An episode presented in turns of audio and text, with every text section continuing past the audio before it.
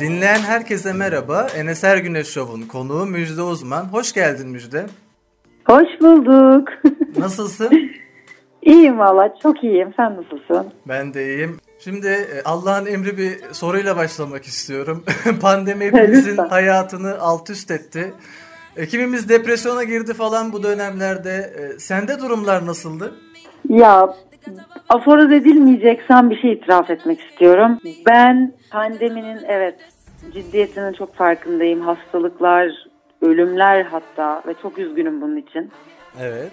Ve fakat benim gibi e, hem asosyal hem çok sosyal hem çok insancıl hem de çok yalnızlığını seven biri bir tık zevk aldı durumdan. Yani bunu e, itiraf etmek zorundayım. O sessizlik, o herkesin e, evde oluşu ve kimsenin hiçbir konuda aklının hiçbir yerde kalmaması, doğanın kendine gelişi, hayvanların bir rahatlaması. Bunlar o kadar hoşuma gitti ki. Bir şey değil mi? Benim de. O kadar sevindim ki yalnız olmadığıma. Yani biliyorsun ki sürekli koşturuyoruz. Bahsettiğim şey eğlence, parti falan değil. Hepimizin hayatın hızında böyle atladığı, ya yaparım bir gün dediği şeyler var. Ya bunları yapmak için o kadar büyük fırsat doğdu ki bir taraftan. Yani böyle resmen negatiften pozitif çıkarmak gibi bir durum oldu benim için. O yüzden ben hiç e, ay evde sıkıldım, yalnız kaldım, depresyona girdim gibi bir şey yaşamadım açıkçası. Çoğu insan birbirine kavuştu. Konuşmayanlar konuşmaya başladı. aynen aynen. Sohbetler arttı. Yani bu sohbetin, muhabbetin artması falan o kadar hoşuma gitti ki biraz böyle ben nostaljik bir tipimdir. Geçmişe de çok bağlıyımdır. Biraz böyle oralara dönüş gibi oldu falan. Yani böyle bu tarafına odaklandım işin açıkçası. Tabii şeyin de etkisi var. Yani nankörlük yapmayayım. Ee, hastalık geçirmedim. Etrafımdan kimse ciddi bir şey yaşamadı. Şimdi böyle konuşmak kolay. Durumu e, önemsemediğim için söylemiyorum. Kimse yanlış anlamasın. Ama ben mümkün olduğu kadar e, pozitif tarafından bakmaya çalışıyorum. Ya bardağın dolu kısmından evet. bakıyoruz aslında. Öyle yaptım. Vallahi öyle yaptım yani. Çok şükür öyle yaptım. Spor yaptım, kitap okudum, bir şeyler yaptım. Hep güzel geçti. Şimdi baştan başlayalım. İstanbul'da doğdun. Nasıl bir çocuktu Müjde? Ben açıkçası şimdi İstanbul'da girdiğim için söyleyeyim. Ben hiç İstanbul'u hisseden bir insan değilim. Çocukken de böyleydim. Hani ben kaos seven, kalabalık seven bir insan değilim açıkçası. Ama e, çocukluğumda, gençliğimde çok güzel geçti. Yani hep söylüyorum ben 84 doğumluyum ve iyi ki de öyleyim. E, o dönemde büyümek, daha evimizin e, arkasında koru varken ve bir takım siteler dikilmemişken büyüdüm oralarda. İşte gittiğim okulda e, hala görüştüğüm işte mahallelinin geldiği e, hani mahalle mahalle okullara gidilen hani böyle tatlı bir çocukluk geçirdim, gençlik geçirdim. E, Bağdat Caddesi'nde büyüdüm sonra. E, herkesin birbirini tanıdığı, bir cüzdan alıp çıktığın, herkesi böyle selamlayarak geçtiğin, kafeleri, pastaneleri tanıdığın bir dönemde büyüdüm. E, o yüzden hani İstanbul'un güzel tarafında, güzel zamanlarında yaşadığımı düşünüyorum. Sonra işte üniversite zamanında Taksim, Taksim'in Taksim olduğu dönemler falan. O yüzden çocukluktan da başladım böyle bir özet geçmiş oldum ama güzel geçirdiğimi düşünüyorum ben. Bu arada senin Adapazarı'yla da bir bağlantın vardı galiba. Annem oralı evet. Ben de Aa, ben de evet. Adapazarlıyım çünkü. Öyle mi? Aa bak annem bu işe çok sevinecek. Söyleyeceğim hemen bunu. evet. Ortak tanıdıklarımız kesin vardır. Benim olmasa Evet. da annemin, babamın bir bir yerden bir şey çıkar. kesin vardır. Yani ben ne zaman böyle bir e, anne tarafından hemşeriyle e, karşılaşsam tanışsam mutlaka çıkıyor. Şimdi fen matematik öğrencisi olduğun dönem mühendisliğe e, geçecekken okulun kapanmış. Doğru mu? Ee, şöyle e, ben çok okul değiştirdim. E, ortaokulda emindim fen matematik okuyup hani o tarz bir iş yapacağımı çünkü çok seviyordum. Fakat okul kapandı. Sonra ben üç okul daha değiştirmek suretiyle e, önce Avusturya Lisesi'ne girdim ama ben ortaokulum kapanınca çok depresyona girdim. Onu anlatayım. Esas hikaye orada. Tabii ben okulunu aşırı seven, çok sosyal, bir taraftan da çok başarılı bir öğrenciydim. Tapıyordum. Moda Koleji diye bir okul vardı. Yani öyle kampüs ben hala görmedim. Yani üniversitelerde bile yok artık neredeyse. Hocalarımız bizi çok değerli büyüttü o zaman. Yani küçücüktük ama her zaman fikrimiz alınırdı. Çok özgüvenli yetiştirildik. Çok fazla sosyal kulüp vardı okulda. Yani satranç kulübünde yer kalmazsa kavga çıkıyordu filan. Sporlar yani çok e, güzel bir okuldu. Dolayısıyla bunu niye anlatıyorum? Oradan çıkınca ben sudan çıkmış balığa döndüm. Çok güzel okullar kazandım. E, fakat hiçbirine gitmek istemedim. Annem dedi ki kızım yapma etme her yeri kazandın ettin falan. Girdim Avusturya Lisesi'ne. Fakat çok mutsuz oldum. Orada acayip bir disiplin. Hani disiplinsiz olduğumdan değil çok da disiplinliydi fakat çok saçma geldi kurallar murallar. İşte yok hırkanızın rengi iki ton açık renk falan. Allah Allah neyi dert ediyorsunuz falan derken ben orayı bıraktım. Bayağı yani dedim ben böyle bir muameleyi kabul etmiyorum dedim. Bıraktım. Niye ailen de arkanda durmuş? Ya önce annem tabii ki çok haklı olarak annem babam dediler kızım yapma etme. Çok da arkadaşım okuyordu orada. Ya şimdiki aklım olsa bırakır mıyım? Meçhul bak söyleyeyim. Ama hem okulum batmış, arkadaşlarımdan ayrılmışım, hocalarımdan ayrılmışım, öğretmenlerimden. E hem de bir de böyle bir muamele görüyorum falan. Hiç eyvallahım olmadı yani. Hiç yani arkama dönüp bakmadım. Bir gram pişman olmadım. Ama yapacak bir şey yok. Ben biraz dediğim dedik bir çocuktum tabii yani. Ne yaparlarsa yapsınlar. Biraz İnatçılık. maalesef Tabii annem keçi burcu diyor bana zaten. Çok pişman mıyım? Şu an değilim. Sadece şimdiki aklım olsa belki yapmazdım ama pişman oldum mu? Hayır gayet de güzel büyüdüm. Okulumu okudum hani. Ama hani şimdi konuya bağlayacağım söylediğim mühendislik mevzusuna. Ee, tabii Avusturya Lisesi'ni bıraktım. Sonra Kalamış'a geçtim. Oraya geçince o okulda kapandı bu arada. ee, Orada da o kadar uzak kalmışım ki bu okul değiştirme mevzularından. Benim bütün fen, matematik vesaire olaylar uçmuş gitmiş kafamdan. Dil öğrencisi oldum ben bir anda. Ee, öyle olunca uzaklaştım mevzudan. Ee, üniversite falan filan derken konudan koptum. Ama kopmasaydım ben şu an ya mühendis ya tıp ya tıp okumayı da çok isterdim ama işte e, veterinerlik işte tıp okumak falan ama işte o hayvanlar üzerinde çalışmak falan filan zaten beni büyük ihtimalle soğutacaktı olaydım ama o teknik işleri yapmayı çok isterdim evet. Ama dediğim gibi okulda ekstra değişti. Biraz koptum konudan. Sonra da kaldı. Peki. Şimdi yine 16 yaşında bir anda sanırım çok da düşünmeden mankenlik yarışmasına başvuruyorsun. Kazandıktan sonra da serüven başlıyor. Doğru mu? Evet. Doğru. Şimdi ben Vallahi bununla doğru. alakalı şöyle bir şey soracağım. Hayatında böyle çok sorgulamadan önemli kararlar verecek bir yapın var sanki. Eğer öyleyse bu konuda çünkü çok benziyoruz. Beni aslında uzun uzun tanıyanlar bunun tam tersini söyleyebilir ve fakat ben çünkü çok plan program seven, düzen seven bir insanım. Ee, o yüzden hep hani söylerim ben çoğu insanın aksine masa başı işim olsun, saatim belli olsun, günüm belli olsun istedim hep. Ama hayat hiç öyle ilerlemedi. Ama dediğin şurada doğru. Bazen içgüdüsel kararlar veriyorum. Yani ne alaka, kendime bile ne alaka diyebileceğim. Mesela hayatım boyunca ne mankenliğe özendim, küçükken televizyona çıkmak istediğim, ne öyle küçükken prenses prenses bir kızdım. Ben gayet erkek Fatma gibi bir şeydim. Yani o karar neden verildi ve neden yaptım hiçbir fikrim yok. Sonra ön elemeleri geçtim. Annemin haberi bile yoktu. O zaman söyledim. Ya dedim ben bir yere başvurmuştum ve şu an kampa çağrılıyorum deyip gittim. Ee, kampa da böyle liste verdiler. Şunları şunları getirin bunları hazırlayın diye. Ben onları bile götürmedim yanımda. Yani dönerim ben buradan diye düşünerek gittim. Aa orada da ilk 20'ye kaldım mı ben?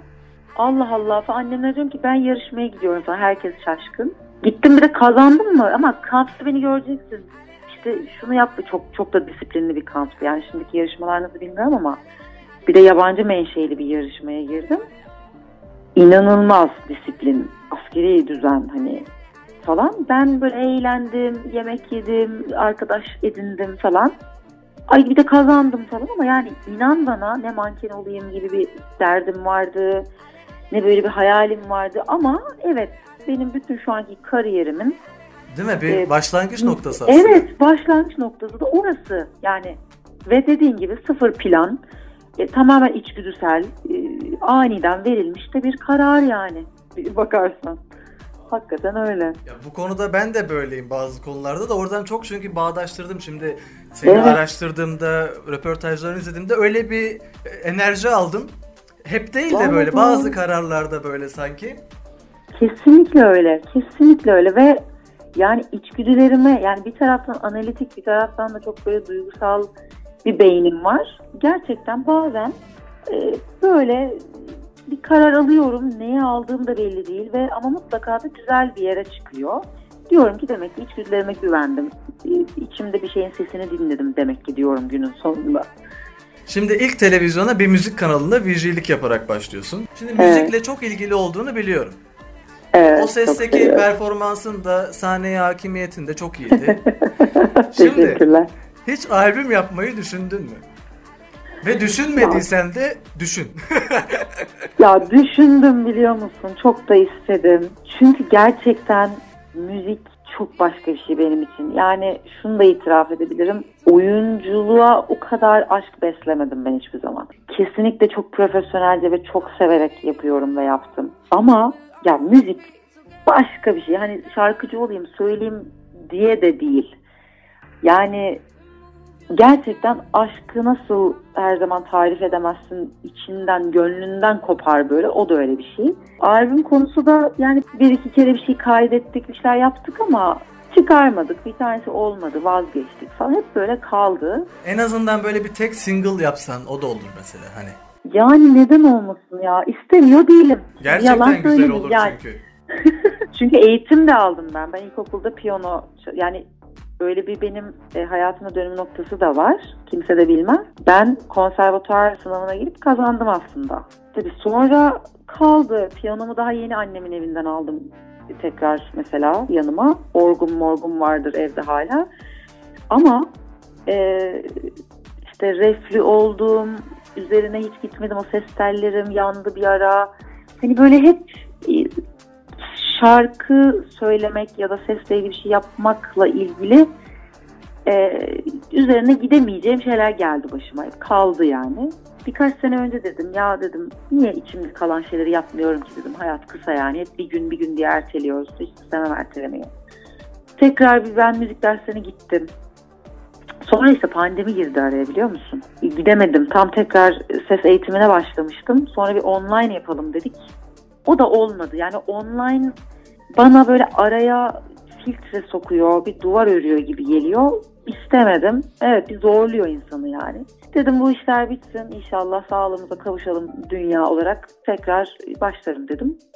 Kaldı. Yakında böyle bir tekrar bekliyorum ben senden öyle bir proje aslında. Vay. Olaylar olaylar bir bitsin. Olaylar bir bitsin. Şunlar bir bitsin. Yani güzel hatırlattın. Tekrar gidebilirim bu konunun üstüne. Güzel söyledin ya. Vallahi Ya çünkü gerçekten sahneye yakışıyorsun. O şarkıyı da iyi bir performans Ya. sergilemişsin. çok Hani- teşekkür ederim. Sağ ol. Ne bileyim sen Bir rahattım çıkarmayacaksın değil mi? da Bir rahattım ben yani. mi çıkaracağım? Olur ya vallahi gidelim bu konunun üzerine. Buluşalım buluşunca bir daha Hadi klibini konuşalım de bu ben konuyu. çekeyim ya. Çekmişliğim de var çünkü. Tamam olur vallahi neden olmasın yapalım bir şeyler. Seve seve yani çok sevinirim. Şimdi ilk oyunculuk deneyimin Paramparça Aşklar dizisiyle oluyor. Doğru. Ve ardından Bir Çocuk Sevdim, işte Muhteşem Yüzyıl, Kiralık Aşk gibi birçok diziyle de ekranlarda performans sergiliyorsun. Evet Ee, senin bildiğim kadarıyla mükemmelliyetçi de bir yapın var. Doğru. Ve oyunculuk senin için ünlü olmak gibi konuların dışında değil mi? Kesinlikle öyle. Bu konuda neler söyleyebilirsin? Valla çok şey söyleyebilirim ama yani bravo beni e, o kadar güzel analiz etmişsin ki çünkü televizyonda özellikle dizilerde oynadığın zaman e, gerçek karakterinle kendini anlatabileceğin bir ortamın olmuyor aslında. Şimdi bu sosyal medyanın gücü arttıkça böyle mecralar arttıkça insan kendini de ifade edebiliyor ama e, sadece rol yaptığın bir ortamda tanınamıyorsun ve bu benim çok hoşuma giden bir şey değildi. Çünkü ben içim dışım bir olsun isterim. İşte yine o mükemmelliyetçilikten hiçbir şey yanlış bilinmesin, dedikodu olmasın, yalan yanlış şeyler çıkmasın. Hani hiç sevmem. Hiçbir zaman sevmedim. Özel hayatımda da sevmem. Dolayısıyla bu meslek beni çok zorladı dönem dönem. Yani ben magazinle de tartıştım. İşte her şeyin doğrusunu anlatmaya da çalıştım. Halbuki aslında hani olay çıkarıp böyle birazcık ortaya bir olmayan bir ateş atıp e, bunun üzerinden haber yapan bir sektör de var. Hani bu da bir sektör aslında yani. Hani Maalesef. dünyada olan bir şey. Maalesef. Ama şimdi benim karakterime nasıl ters? Yani deliriyorum. Her şey, herkes her şeyin doğrusunu bilsin istiyorum tamam mı?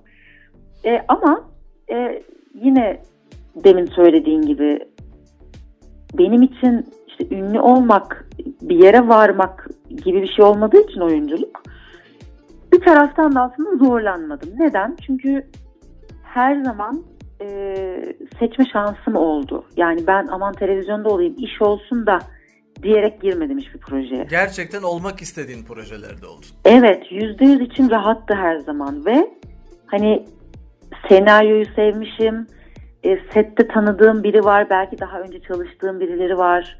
Her zaman bunlardan biri oldu. Yani güven alanımı, konfor alanımı oluşturmadan aslında girmedim hiçbir projeye. Çünkü şartlar da çok zor. Yani bakma şimdi tamam her iş zor ama hafta sonun yok, gecen gündüzün yok. Senin hayatını başka biri planlıyor. E, yaz günü kış sahnesi çekebiliyorsun. Kış günü yaz sahnesi çekebiliyorsun. Saatler sürebiliyor. E, hep kalabalıktasın. Psikolojik olarak da çok e, hazır olmak gerekiyor. Hasta mısın? Canın mı sıkkın? Kimseyle konuşmak mı istemiyorsun? Uyumak mı istiyorsun? Yok O yani. an onları unutman lazım. Kesinlikle. O yüzden hani e, benim için bir yerde bir konfor alanımın olması çok önemliydi. E, işimi severek, aşkla yapmam için de o alanımın olması çok önemliydi. Ve çok şükür bunu her zaman e, sağladım ve öyle seçtim işlerimi. Çok şükür yani seçme şansım oldu. Ve çok mutlu çalıştım. O yüzden hani mesela kiralık aşkın e, bittikten sonraki yemeğini ben düzenledim atıyorum işte sahnelerim bitiyordu eve gitmiyordum. Her zaman arkadaşlarımın, yönetmenlerimin, ekip arkadaşlarımın yanında kalırdım. Eve dönmezdim. Hani öyle severek de yaptım. Ee, o yüzden hani mükemmelliyetçiliğimin e, diyorum yani pozitif tarafından baktığım e, şeyler var diye. Bu da onlardan biri. Yani hem profesyonelim hem mükemmelliyetçiyim ama bir taraftan da aşkla da yapıyorum. Hani hepsini böyle bir potada yetebildim çok şükür bugüne kadar. İnşallah bundan sonra da öyle olur. Daha önce Ricky Martin'in e, Türkiye'deki konser organizasyonlarında da görev aldın. Tabii. E, ve aynı zamanda hayran olduğun da biri. E, Evet, o konudan evet, kısa evet. bahseder misin? Bahsedeyim. Onun da çok güzel bir hikayesi var hatta. Böyle kısaca anlatayım. Şimdi ben Ricky Martin'e aşığım. Yani ortaokulda servis arkadaşım vardı. O çok severdi. Onunla e, 1998'de CNR'da e, iki konserine gittik. Annem götürdü bizi. Ben de aşık oldum.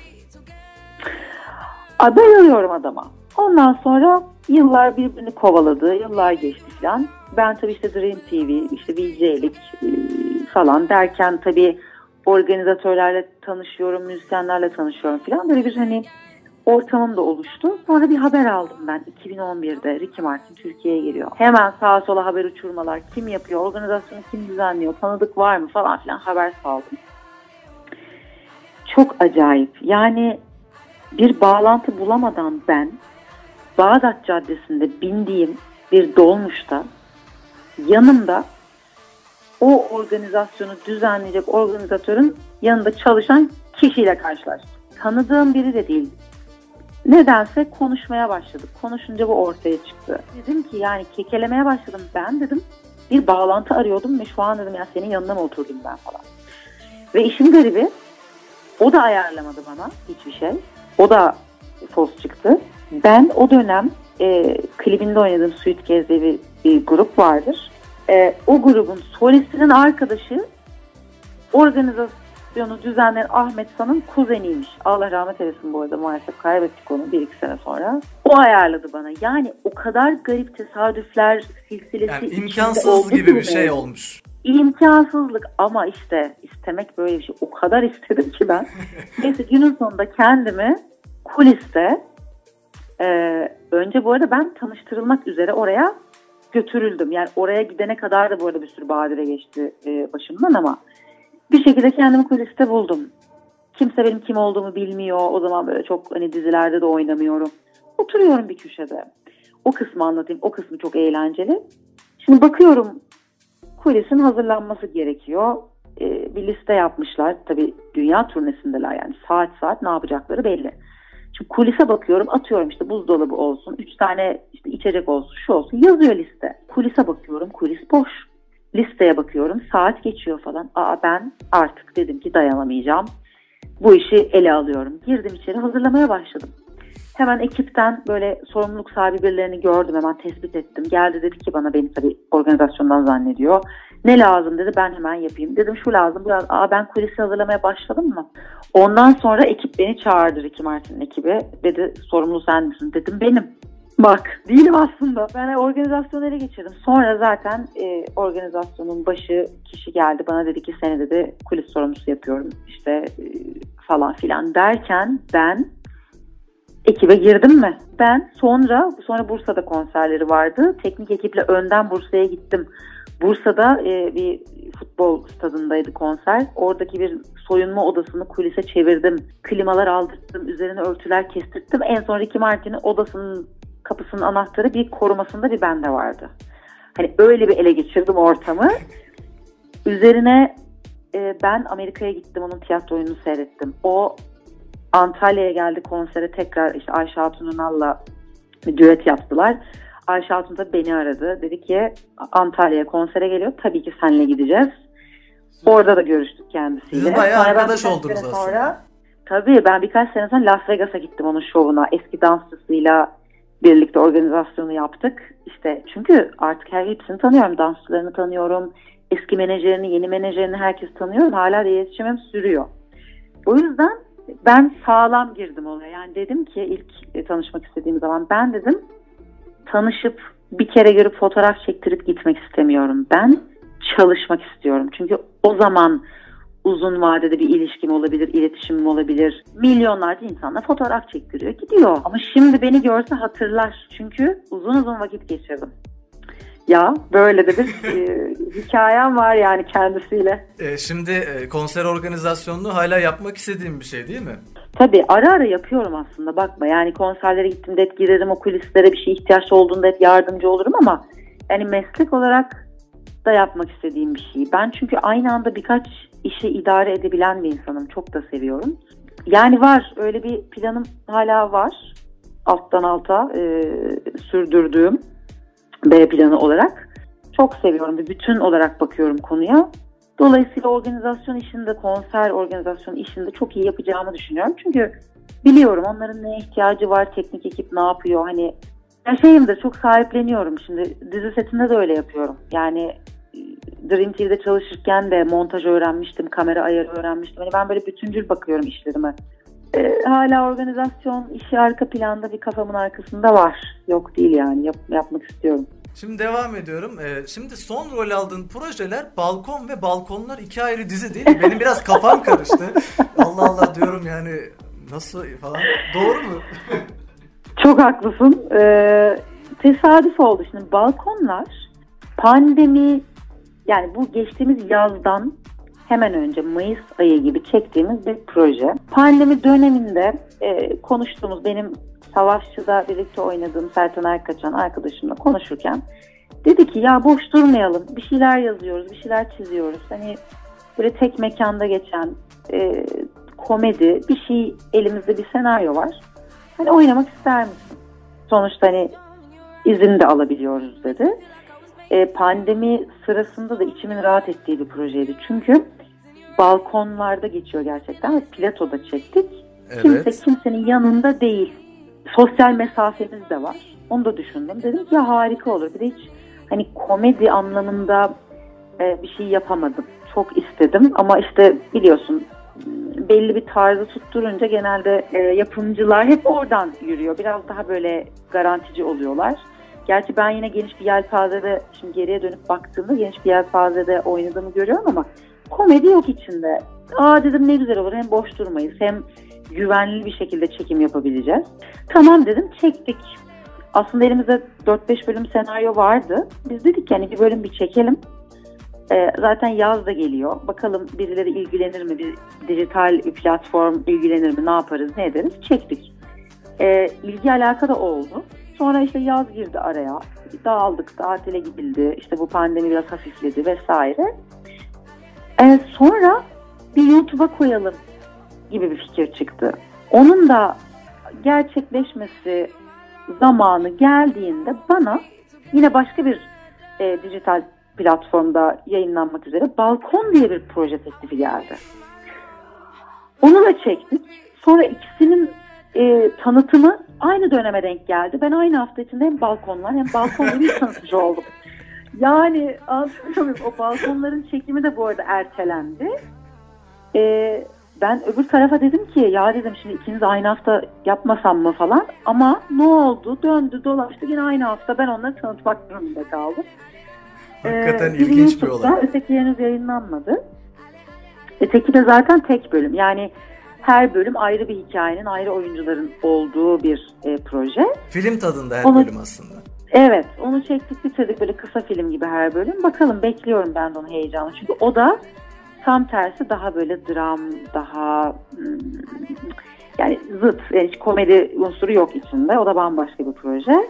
Onu da heyecanla bekliyorum bakalım ne zaman yayınlanacak diye. Haziran ayında da bir e, film çektik yine aslında romantik komedi. O da henüz vizyona girmedi. Gene tabii pandemi e, koşulları yüzünden yani sinemalara gidilmiyordu falan. Şimdi onu da herhalde en doğru zamanı bekliyorlar vizyona e, vermek için. Böyle balkon balkonlar şeklinde e, bir şey oldu gerçekten denk gelme. Bakalım balkonları gördük ama balkonu henüz ben de izleyemedim. Merakla o zaman bekliyorum. E, bekliyoruz sabırsızlıkla onu da. Evet. Şimdi e, programımızın Enes Güneş Show'un ikinci kısmına geçiyoruz. Şimdi sana tamam. bir takım sorular soracağım. Tamam. E, hayatın bir film olsaydı türü ne olurdu ve IMDb puanı kaç olurdu? O kesinlikle fantastik bilim kurgu olurdu. En sevdiğim tür yani en sevdiğim tür bana Matrix. Yani ben e, Matrix olmak isterdim. Yani hayatım Matrix olsun yani tam olarak bunu isterdim. Ben, ben IMDb puanlarını çok ciddi alan bir insan değilim bu arada. Emek verip oraya girip puan veren insanların ortalaması belki benim zevkimde olan insanlar değil. Ne malum. Dolayısıyla o çok önemli olmazdı benim için ama kesinlikle bilim kurgu, fantastik, uzay, e, kuantum işleyen ya da hani konu olarak hani o tarz bir dünyam olacağına eminim. Peki e, izlemekten de en çok keyif aldığın şeylerden biri bilim kurgu mu? Evet, kesinlikle. Ben çok uzun yıllardır fantastik olmayan bir şey izlemiyorum. Çok nadir. Hadi ya. Yani elim elim gitmiyor. Normal bir şey izleyeyim diyorum. Yeni bir sürü şey çıkıyor. Daha önce izlememe rağmen eski olup yine fantastik bilim kurgu olan şeyleri seyrediyorum. Yani bir de zeka yani ya Sherlock gibi bir şey izleyeceğim ya da işte mesela şeyi seyrettim e, ne o satranç oynayan kız Queen's Gambit onu seyrettim. Hani ya çok zeki bir e, durum dönecek ya da kesinlikle fantastik olacak. Başka türlü şey bu yani en dandik vampir dizisini en müthiş ama konusu ciddi ya da dram olan şey tercih ederim. Dram zaten hiç seyredemiyorum. Asla. Ağlamak falan istemiyorum. Ki ben bilim Transformers seyrederken ağlayan insanım. Ben yeterince ağlıyorum zaten yani. Ya gerçek hayatın birebir sembolizasyonu var yani mümkün değil. Hiç e, bilim kurgu deyip geçmemek lazım. Ben çok etkileniyorum. Yani görsel olarak da çok etkileniyorum, teknoloji olarak da çok etkileniyorum ama konu olarak da çok etkileniyorum zaten. Benim de mesela en sevdiğim korkudur yani ben korku filmi takıntım Oo. var benim de. Ben yıllar önce onu bıraktım. Çok seyredi. Ablam çok seyrederdi küçükken. Camları, kapıları, ışıkları kapatırdı. Süper ya. Yani daha severek izlediğim bir şey yok. Aa helal olsun. Yok ben yapamıyorum onu. Çok korkuyorum yani. Ben yok. Korkan insanla izlemeyi de daha çok seviyorum biliyor musun? Mesela arkadaşlarım korkuyor. Mutlu zorla izletiyorum onları. İzleyin. Ay yapma etme rüyalarına girer yazık ya. Kolay değil valla. Çünkü seyrettikten sonrası da kolay değil. Sonra da bir mesai var. Sonra aklına gelip gece uyumadan önce bir de onun korkması var yani o filmi Bir şey diyeyim mi artık alıştım ya. İçeriden çıt çıt sesler de gelse aman uyu diyorum. Ay helal olsun asla ben yapamam bravo tebrik ediyorum. Bir misafirinin senin evinde yaptığı en tuhaf şey neydi? Hiç var mı böyle hatırladığın bir şey? Şimdi bu soru için öncelikle e, şunu söylemem lazım. Ben e, gerçekten evine evinde çok böyle kalabalık kalabalık insan ağırlayan bir insan değilim. Evim benim kaçtığım nokta kalem. O yüzden çok insan da gelmez. Şöyle şeyler oluyor. Mesela başka bir yerden gireyim. Benim evimde hep eski şeyler vardır. İşte annemin eski evindeki bir eşya. Yani bir toplama kampı gibidir ev. Hep anılarım vardır. Bir tane hep e, fazla odalı ev tutarım ki depo odası gibi böyle eski defterlerim, ilkokul kitabım, işte hakikaten pul koleksiyonu, peçete koleksiyonu, yok işte bilmem ne posterler falan filan. Öyle bir odam vardır. Eve hasta kadar biri geldiğinde genelde o odaya girdiğinde bir kayboluyor. Böyle bir zaman tüneline girmişçesine böyle bir hani öyle şeyler yaşattığım insanlar oldu. Hani biri gelip garip bir şey yapmadı ama ben onların aklını alıyorum mesela bazen. Benim aklını aldığım misafirim olmuştur yani. Bu nasıl, bu neden var bu evde? Nasıl bir ev burası falan. Yani evden bulamayacağın şey yok. Gaz maskesi var nedense bilmiyorum. Allah Allah. İşte yani mesela Hepsi bana garip bir şey peki söyle. bu tuhaf şeyler? Efendim? Hepsi efendim? aynı odada mı bu tuhaf şeyler? Evet yani normal yaşadığım yerde salonda da serpiştirilmiş objeler var ama o oda gerçekten zaman tüneli gibi. O yüzden ben misafirin aklını alıyorum genelde. Onlar benim bana garip bir şey yapamıyordu. Ben akıl alıyorum yani. Peki hakkında herkesin doğru bildiği bir yanlış var mı? Ee, birkaç şey sayabilirim. Çok e, çıtı pıtı prenses böyle elinden iş gelmeyen belki falan gibi biri zannediyor olabilirler yine büyük önyargılar. Ben bayağı marangoz, e, tesisatçı, bir de böyle ağırlığının 10 katı eşya taşıyan, her işini kendi yapan, e, asla çıtı pıtı olmayıp böyle dağda bayırda dağ keçisi gibi yani şu an belki Instagram'da görüyorsundur. Doğal yaşam alanım benim hakikaten böyle ıssız, deniz kenarı, dağ başı falan gibi yerler. Böyle alıyorum kamp sandalyemi, alıyorum çantama gerekli her şeyi, çıkıyorum böyle oturuyorum, uzaklara bakıyorum falan. Hani hiç böyle aa sen kesin ah canım kuaföre gidip topuklu ayakkabını giyip falan. Hiç öyle bir tip değilim. Ha, onu da yapıyorum. Onu da yapıyorum. Yerine göre. Çünkü her şeyden zevk alıyorum. Her tür müziği dinliyorum. Her tür dans, her tür insan severim ama genelde böyle bakınca ah canım kız çocuğu falan deme gafletinde bulunan e, bazı arkadaşlar oluyor. Hiç öyle değil. Onun yanı sıra sert mizaçlı gözüküyorum. Evet yerine göre sertimdir. Ama ay çok üzülüyorum. Ben böyle şirin, e, komik, aman işte hani ağzımızın tadı kaçmasın falan tadında bir tipim aslında. Zaten e, tanımayıp hani biraz ister istemez ön yargıda bulunan e, atıyorum 10 kişiden 9'u da bunu bana söylüyor zaten. Diyorlar ki ay sen ne sevimli ne sıcakkanlı ne tatlıymışsın Ya ben diye. senin hakkında hiç mesela soğuk biri diye düşünmedim hiç. Aa çok şık ama ama bak sende şey var. Ee, sen ön yargıyla bakan bir göz, bir ruh değilsin. Onu anladım ben. Sen e, donelerle, gerçeklerle araştırıp, gerçekten dinleyip, gerçekten hani bak bakmakla görmek arasındaki fark denir ya hep. E, öyle e, bakan bir insansın ben onu anladım. O yüzden senin kolay kolay böyle ön yargıya kapılman e, yani kolay değil yani kapılmazsın bence. Öyle gerçekten bu dediklerin için de teşekkür ederim valla. Estağfurullah ama öyle ben e, hissederim çok ön yargıyla karşılaşmış bir insan olarak bu konuda üçüncü bir gözüm açıldı hissediyorum yani görüyorum da cümlelerinden e, bana söylediğin e, şeylerden de anlıyorum. E, Kesinlikle sen gerçeklerle ve hani hislerinle yola çıkıp insanlarla konuşan, tanışan bir insansın bence. Peki telefonuna kaydettiğin en ilginç isim neydi? Var mı öyle tuhaf? Ya bak eskiden hatırlar mısın? Bu akıllı telefonlar çıkmadan önce ben hiç kimseyi böyle akıllı telefona kaydettiğim gibi isim soyadla falan kaydettiğimi hatırlamıyorum. Herkesin bir nickname'i, herkesin bir şeyi vardı. Atıyorum bana müjde değil de müjde diyen arkadaşım müjde diye kaydediyordu. Ben atıyorum işte Zeynep arkadaşıma Zeze diyorsam Zeze diye kaydediyordum. Ya da işte komik hikayeler şurada çıkıyordu. Mesela işte arkadaşınla bir anın var. Hani böyle isim takma lakap gibi değil de atıyorum işte bombastik yazıyorsun. Senden başka kimse anlamıyor. Neden? Çünkü işte bir şey olmuş, gülmüşsün, bir anın olmuş falan onu yazıyorsun falan. Şimdi aklıma gelmedi ama böyle takma isimler vardı ya. Ne kadar güzeldi bak hatırlattın bana şimdi. Şimdi ne yazıyoruz? İsim soyad. O kadar. Bak beni nostaljik yaptın şu an. Zaten zaten hazırım nostaljik olmaya öyle bir tipim. Bak şimdi oradan oraya aklıma onlar geldi. Evet. Şimdi evet. hazır e, bu e, isim takmalardan falan konuşmuşken senin bir lakabın var mıydı? En hani ilgi çekici hani böyle aa diyeceğin lakabım Müjdat. Müjdat mı? Bu arada şöyle enteresan işte diyorum ya beni gerçekten tanıyanlar e, yani hani benim çoğu arkadaş ortamımda zaten bir cinsiyet algısı yoktur.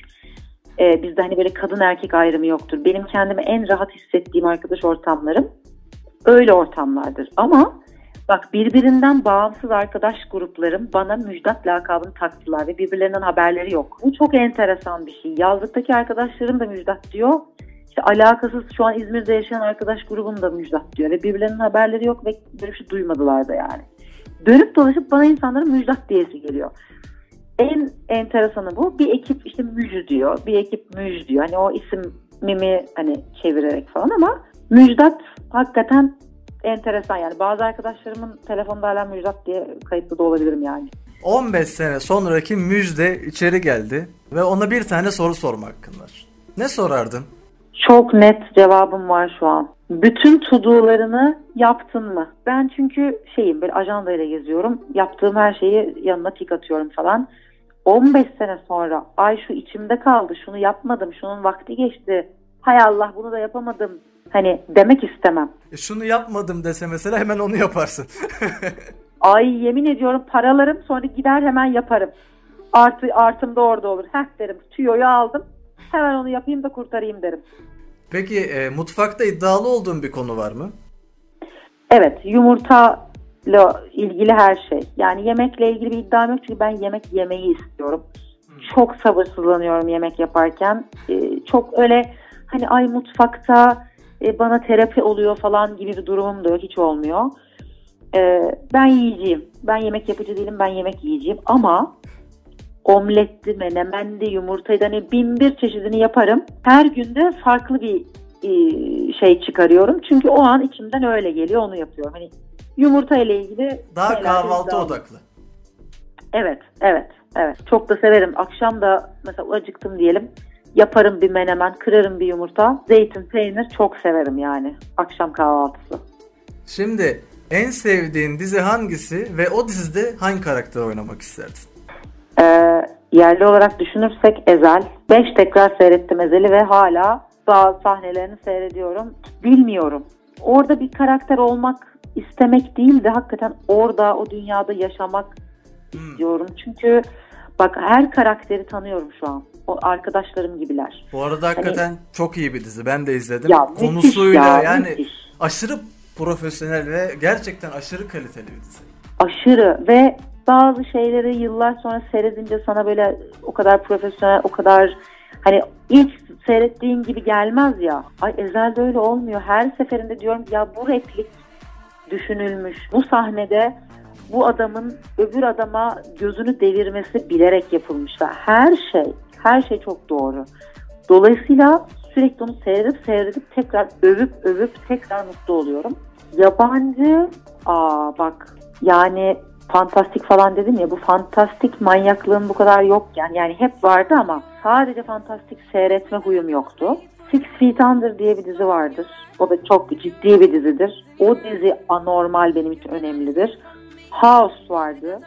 O dizide mesela o başroldeki Hugh, Hugh Laurie'nin yanında oynayan herhangi biri olmak isterdim bak orada. O dizi de çok kaliteli bir dizi bu arada. Çok ya müthiş hem ciddi yani ben anlat, anlamışsındır artık ben daha böyle ciddi e, düşündüren böyle içinde çok zeka olan işleri seviyorum. E, çok dram da sevmiyorum ama o işlerin içinde zaten her zaman bir dram oluyor. Sherlock mesela Benedict Cumberbatch'le birebir oynamayı çok isterdim. E, bu üçü yabancı olarak düşünürsek Türklerde de işte şu Ezel gerçekten beni benden alıyor. Hala alıyor yani hala. Şimdi programımızın Enes Ergün'le Show'un son kısmına geçiyoruz. Şimdi sana hani senin hayatınla da bağlantısı olan şeylerle alakalı kısa bir test yapacağım. Tamam. Ay test. Ezel'le alakalı bir soru sormak istiyorum sana. Tamam. Bu dizi hangi yıl çıktı ve kaçıncı bölümünde final yaptı? O aslında ikisi de bildiğim şeyler. Şimdi dur. Ee, 76 mı 67 mi ya? Bölüm sayısı. Ya 76 ya 67 olduğunu düşünüyorum. Ee, bölüm sayısının. Senesi de söylüyorum bir dakika. Düşünüyorum dur şu an. Vallahi hiç Google'a falan da bakmıyorum. Düşünüyorum. Şöyle o yıllar ben 2000 2004 mü acaba? Çok eskiye gittin ya.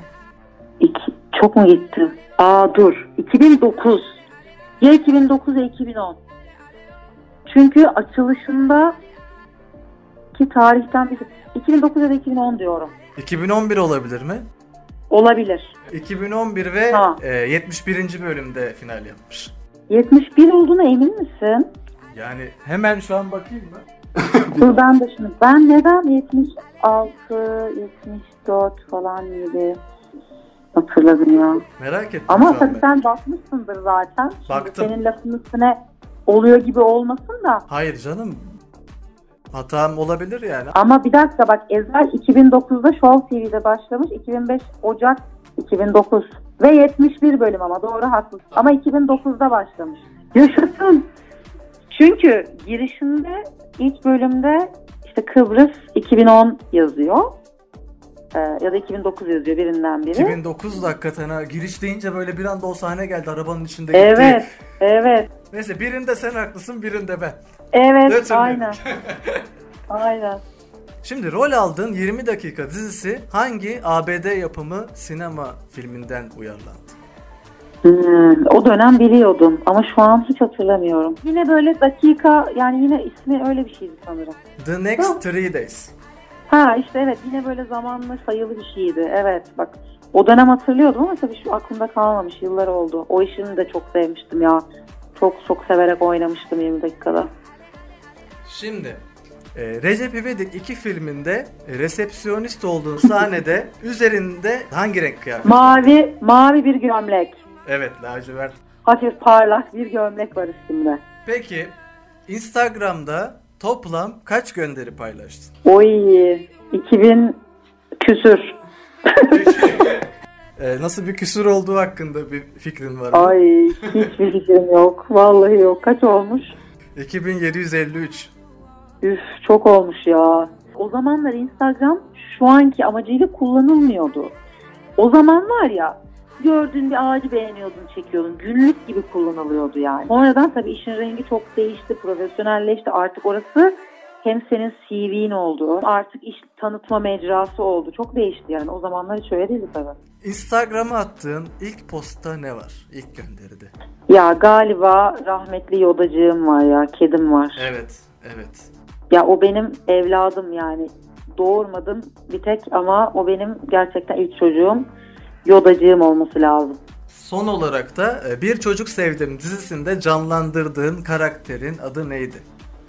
Aa şey dur söyleyeceğim. Oraya da bak yine düşünürken e, şey yapayım. e, anekdot anlatayım. O işin bana teklifi geldiğinde şeyde oynuyordu. Muhteşem Yüzyıl'da oynuyordu. Ve zaten o diziye hani birkaç bölümlük girdim. Öleceğim de belli artık hasta oldum falan. Ondan sonra e, o hafta öleceğim işte çekeceğiz bölümü. Görüşmeye geldiler sete. Gittiler şey diye sordular. Hangi gün ölürsün tam olarak diye sordular. Ve ben o hafta öldüğüm sahneyi çektim Muhteşem Yüzyıl'da. Oradan çıktım. Ee, bir çocuk sevdime geçtim. Ve aynı hafta orada da yayınlandım. Yani ben aynı haftaya Muhteşem Yüzyıl'da Hem Bir Çocuk Sevdim de. Hem de bir çocuk sevdiğimde gördüm öyle haber çıktı. Meğer ölmemiş falan diye böyle haber yapmışlardı falan.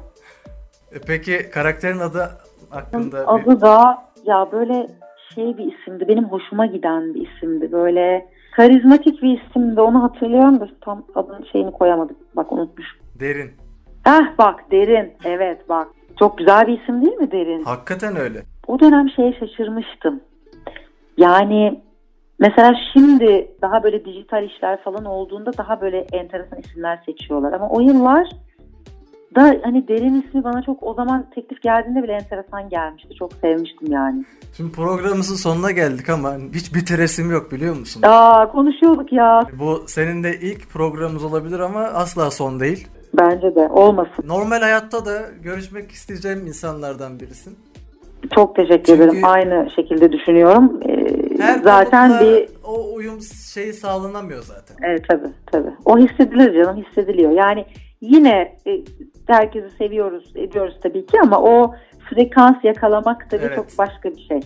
Programımızın sonuna geldik. Teşekkür ederim davetin için. Çok keyifli oldu ve gerçekten çok hoş bir sohbet oldu. Her zaman e, sorulan sorular olmadığı için beni gerçekten araştırıp merak edip e, sohbetine kattığın için çok teşekkür ederim. Ben de böyle şeyler anlatmaktan yani kendimle ilgili böyle şeyler anlatmaktan çok keyif aldım. Çünkü dediğim gibi biz oyuncu olduğumuz için bizi işte dizideki karakterimizle e, oynadığımız e, kişiyle böyle biraz tanıyorlar, ediyorlar. Böyle bir fırsat benim de çok hoşuma gitti. Yani kendimi anlatabildiğim, kendimi ifade edebildiğim bir fırsat vermiş oldum bana. Çok teşekkür ederim.